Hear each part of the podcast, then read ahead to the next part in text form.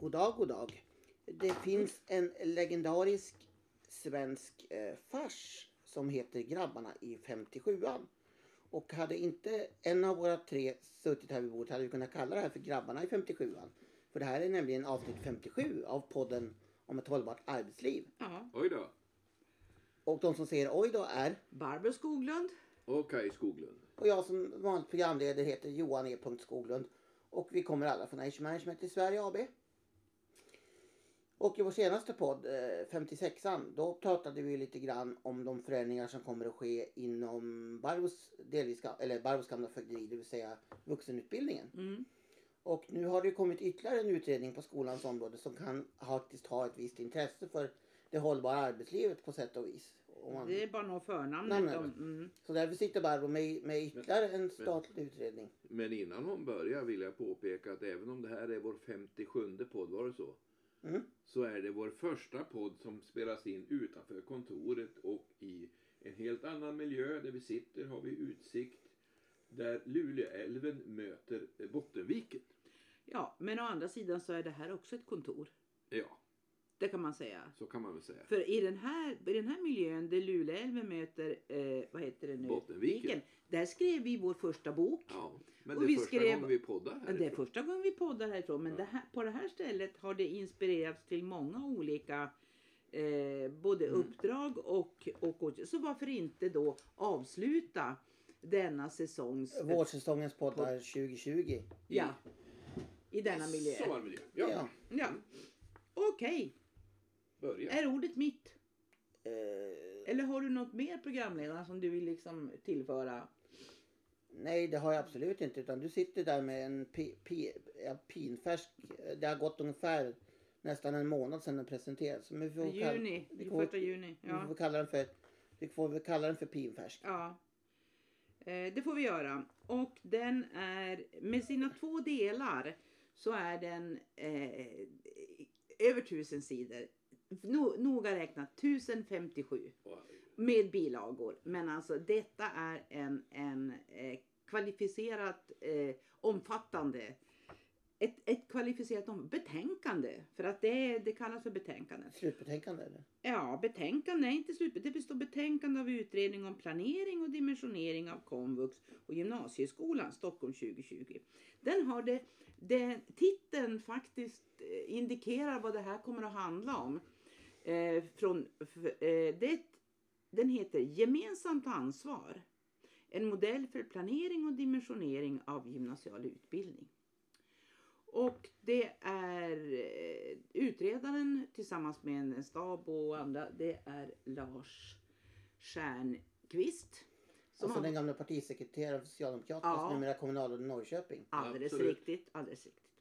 Och han, det var en hel del medial uppmärksamhet när, det här, eh, när den publicerades.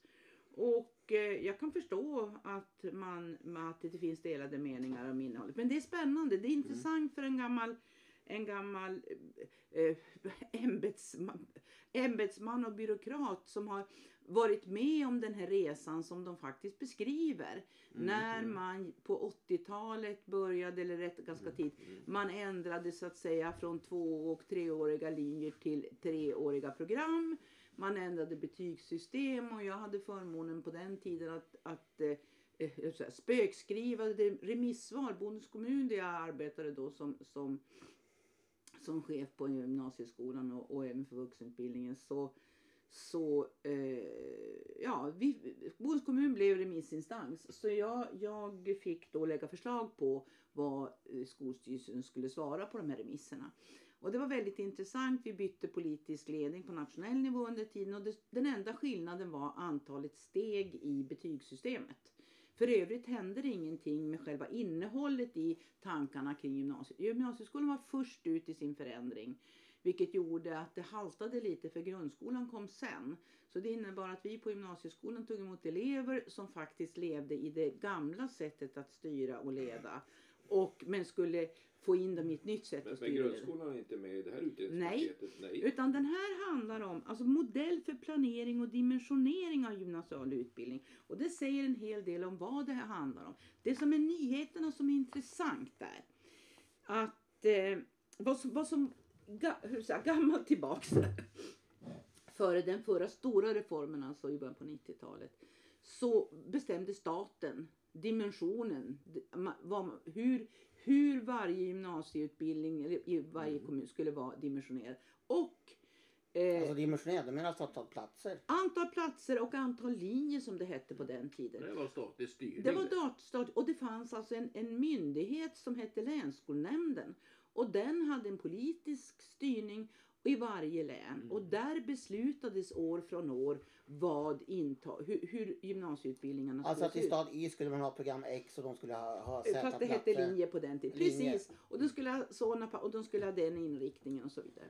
Och sen så kom då denna totala omvälvning, det vill säga man kommunaliserade skolan, dels alltså eh, lärarnas, man kan ju säga att eh, kommunerna utförde ett uppdrag till staten, de staten betalade lärarlönerna. Men i och med då att eh, man vände på kuttingen eh, att eh, lärarna blev kommunalt anställda så skickade man en påse pengar.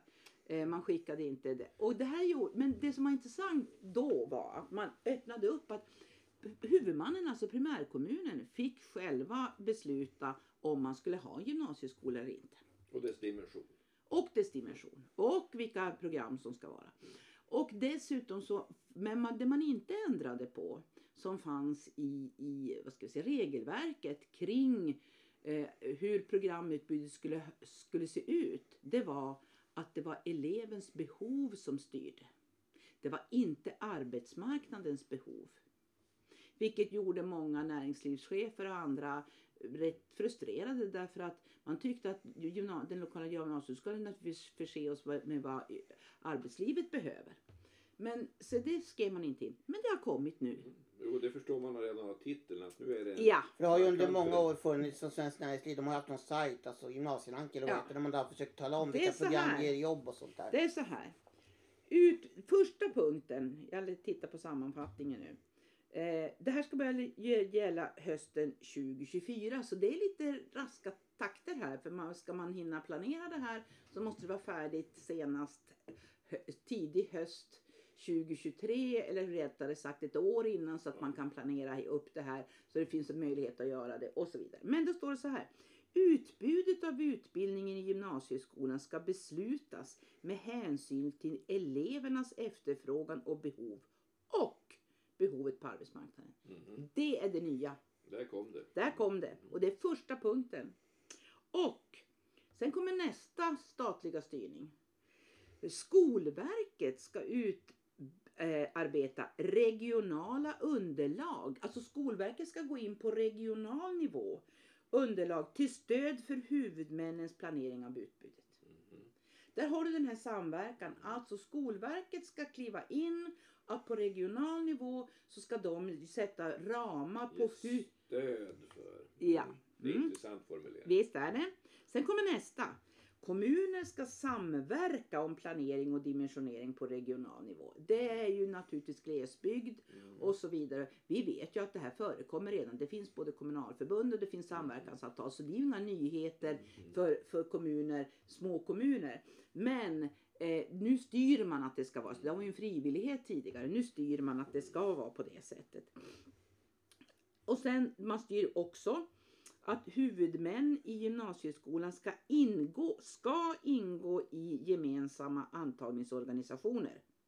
Men även fortsättningsvis ska varje huvudman själv besluta om antagningen. Alltså, Mm. du liksom ska samverka men du ska ändå så att säga ha ett eget ansvar för det här. Så det här och det här är ju ramverket förmodar man då som Skolverket ska, ska utforma.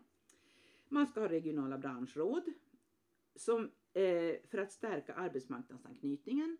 Mhm. Och de har funnits sedan Eldkvarn brann eh, men de har varit frivilliga och de har varit mer eller mindre bra fungerande. Men det är alltså inget nytt. Men det, nu ska det finnas. Eh, man säger regionala innebär det då att det ska vara ett per kommun eller kan ska kommunerna samverka då? det, det, det, när man läser texterna, när man, när man ser Jo, det här handlar väldigt mycket om så här, det, här ordet gemensamt ansvar. För det finns det arbetsmarknadsregioner och så som är skillnad från kommuner. Så. Ja, det blir ju så. Och det blir att gemensamt ansvar betyder ett gemensamt ansvar för staten och för huvudmannen i primärkommunen. Det betyder också ett gemensamt ansvar för kommuner som kommer överens, Mm. alltså ge- gemensamt ansvar för olika huvudmän. Så det här betyder alltså att man, men man går in och styr hur, hur det här gemensamma ansvaret ska med de här regionala ramarna. Eh, de, huvudmännen ska ge saklig information till blivande elever om arbetsmarknadsutfall och övergång till högre utbildning efter de program som erbjuds i gymnasieskolan. Det här hurvlar man. Mm. Alla hittepå, som vi brukar säga, alla hittepå program som Den här influencersutbildningen som fick så mycket influencersutbildningen till exempel. Här, här, eh, då måste det finnas alltså ett reellt behov. För här, det, och det återkommer även när eh, det gäller den kommunala vuxenutbildningen. Eh, Man, man, ska här, man, man lyft, lyfter upp eller vad ska jag, säkrar eller ja, apostroferar den kommunala vuxenutbildningen som regional aktör för kompetensförsörjningen. Och det, nå- det, det har den ju på ett sätt alltid varit men nu ger man det betydligt större dignitet i det här förslaget. Mhm. Eller, ja. Men sen kommer något jätteintressant. Och det är följande. Det handlar alltså om, om eh, eh, ja, jag, jag läser upp det för jag kan utveckla sen. Ett kompensatoriskt schablonbelopp som utgår från elevernas meritvärde i grundskolan ska läggas till eller dras bort från den interkommunala ersättningen respektive grundbelopp till enskilda huvudmän i syfte att stärka förutsättningar för kompensatoriska åtgärder i gymnasieskolan. Kan, kan, du, kan du översätta det ja, till det- begripligt Ja, svenska? det är så här. Att grundskolan är obligatorisk. Mm, Alltså den, den, den är obligatorisk. Mm. det- Den är obligatorisk för, eleverna och den är Mm. obligatorisk för huvudmannen att, att ha den. Mm. Men, och det är alltså, man har försökt att titta på det. Ja, eh, det är ju grundskolan, det man inte gör på, på, på de första tre åren. Om man gör de här nationella proven. Vi vet att det kommer in elever på, på gymnasieskolan som tyvärr kan ha, eh, eh, alltså vad ska vi säga, eh, eh, ligger, har en kompetensnivå i matematik som ligger på, på inte på högstadiet utan, utan på Eh, Mellanstadiet. ja, mellanstadiet eller, eller ja, på mellanstadiet. Och det här gör ju att de, det blir jättesvett. Men det, de har ett, ett godkänt betyg. De har alltså ett, ett de, det är inte så att de, för annars kan man inte komma in. Va? Mhm. Och, men, men när, när, och det här samma sak upplevde vi när universiteten sa att de, de kan inte tillräckligt mycket. Vi får börja med eh, mattekurser på civilingenjörsutbildningarna. Mm. Eh, det var många diskussioner om vem som äger det här.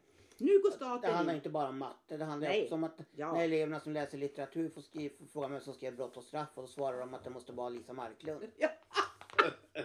Just det, exakt. Jo, det Nej, handlar om... jag Det, själv eftersom jag själv är humaniora-student så vill jag dra en lans för att det finns också de som inte är så bra på de humanistiska Ja, helt Det är inte rätt. bara matte. nej, nej, It has been nej. noted. It has been noted. Jo, och vad man nu går in och så säger man så här. Meritvärdet, det är det samlade meritvärde som en grundskoleelev har när den går ut årskurs 9, årskurs 9 som man söker på till gymnasieskolan. Mm.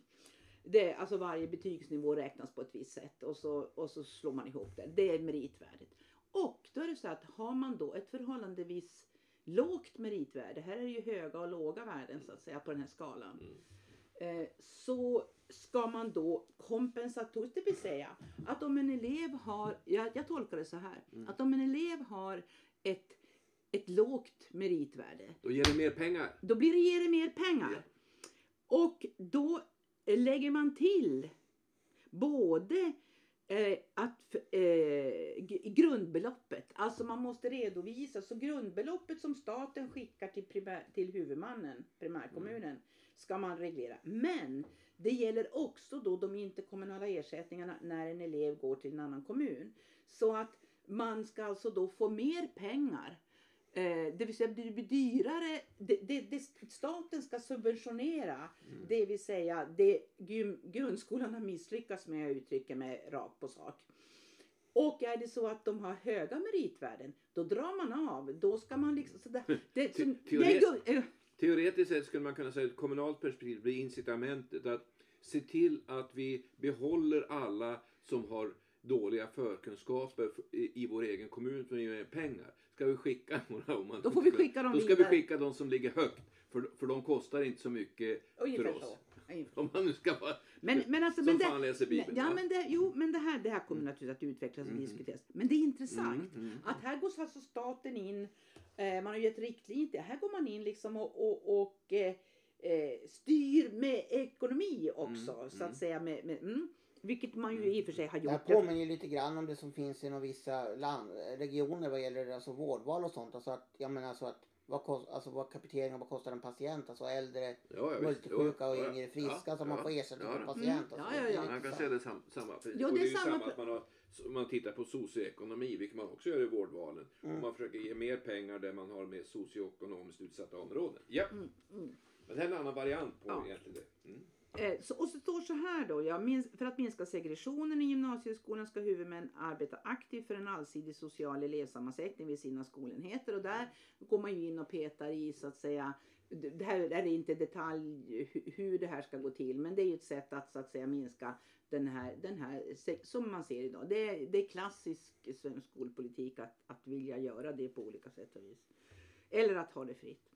Men det här är också eh, när det gäller enskilda huvudmäns eh, när det gäller enskilda huvudmän, alltså primärkommuner, ska Skolinspektionen vid prövning av ansökningar om nya godkännanden, det vill säga till program, ta hänsyn till elevers efterfrågan och behov och arbetsmarknadens behov. Okej. Alltså, Skolinspektionen ska även beakta resursutnyttjande i området som godkänningen avser. Det vill säga, man ska, man ska gå in och granska hur, hur man sköter sig på primärkommunen. Det betyder att det blir en helt annan statlig styrning Japp. i praktiken.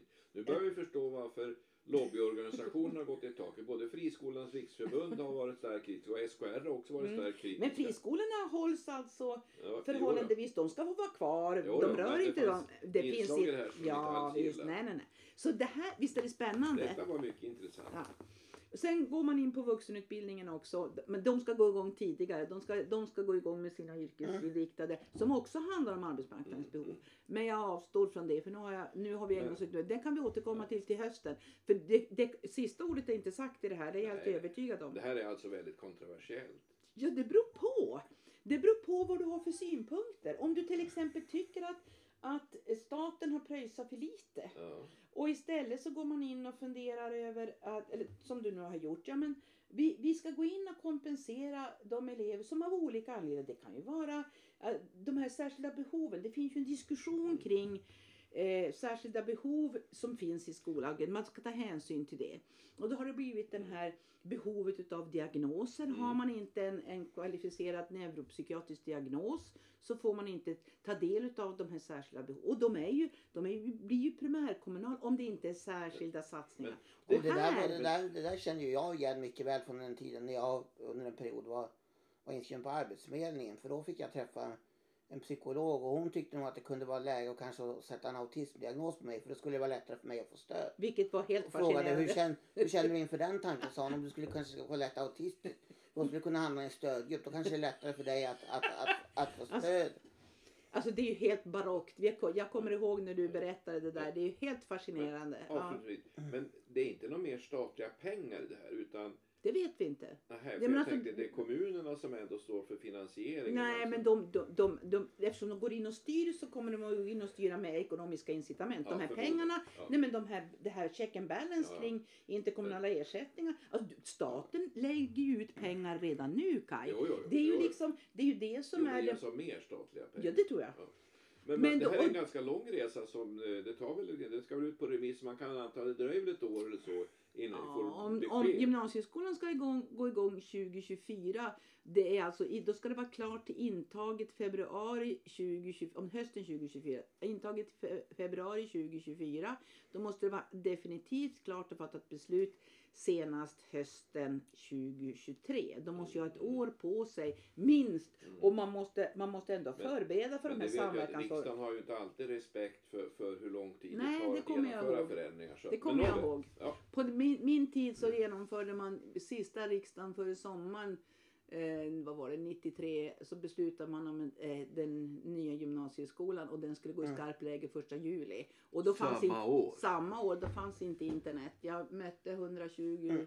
Lärare på gymnasieskolan i augusti och sa det att hade jag kunnat hade jag anmält Sveriges riksdag till yrkesinspektionen som det heter. Men vi klarade det tack vare hårt arbete och så vidare. Men, men, men därför att man ville ha den här hastigheten på genomförandet. Och det, Vissa gymnasieskolor gjorde det ju inte men vi gjorde det och, och då hade vi som sagt när det var som mest hade vi sju betygssystem igång. Mm. Ha. Mm. För det var, det var en övergångsperiod. Mm. Går vi på semester nu programledare? Det gör vi. Jag vill bara säga att det finns en del annat intressant i skolans värld som har skett på sistone som jag bara kort vill nämna. Som vi säkert kommer att kanske återkomma till i andra kommande poddar. Det ena är ju det här som man nu diskuterar om lämplighetstest på lärarutbildningen. Den är jätteintressant. Och det var, Back to basic. det var också en artikel nu om, om att man diskuterar det här med kraven också på lärarutbildningen. Alltså, alltså hur lätt och svårt ska det vara att kunna bli, komma in på lärarutbildningen. Mm, och man, man, någon av eh, artiklarna eh, vi har gått in och tittat på vad man har för eh, kvoter på högskoleprovs i den, i den. Och det var 0,05. Och det är 2,0 som är det högsta. Och sen när vi nu Så pratar det, alltså det, är- Det kan man det är fem att hundradelar. Ja. Ja, knappt. Och sen också en mycket intressant nyhet som kom bara för någon dag sedan på tal om det här med makt och styrning och som rättslåg tycker är mycket intressant. Är att Malmö kommun fick avslag på sin ansökan till Skolverket om att Mm. de vill införa tre terminer. Just det. Men hörni. Nu, Apropå tre terminer och sommarlov. Nu börjar det närma sig grönbete. Nu börjar det närma sig grönbete. Ja, det är inte så Kardemumma sa att det var två år i varje klass. Utan, Nej. men då tycker jag vi inte gemensamt eh, sätter oss i ring och sjunger We shall overcome. Men jag tycker däremot vi gemensamt säger glad sommar. Absolut. Så du- Och så ses sommar. vi till hösten för jag antar det är jag som programledare som ska fråga de två experterna. Vill ni fortsätta podda till hösten? Ja. Självklart. Då ser vi fram emot podd 58 och framåt till hösten. Definitivt. Glad sommar! Glad sommar. Och glad sommar.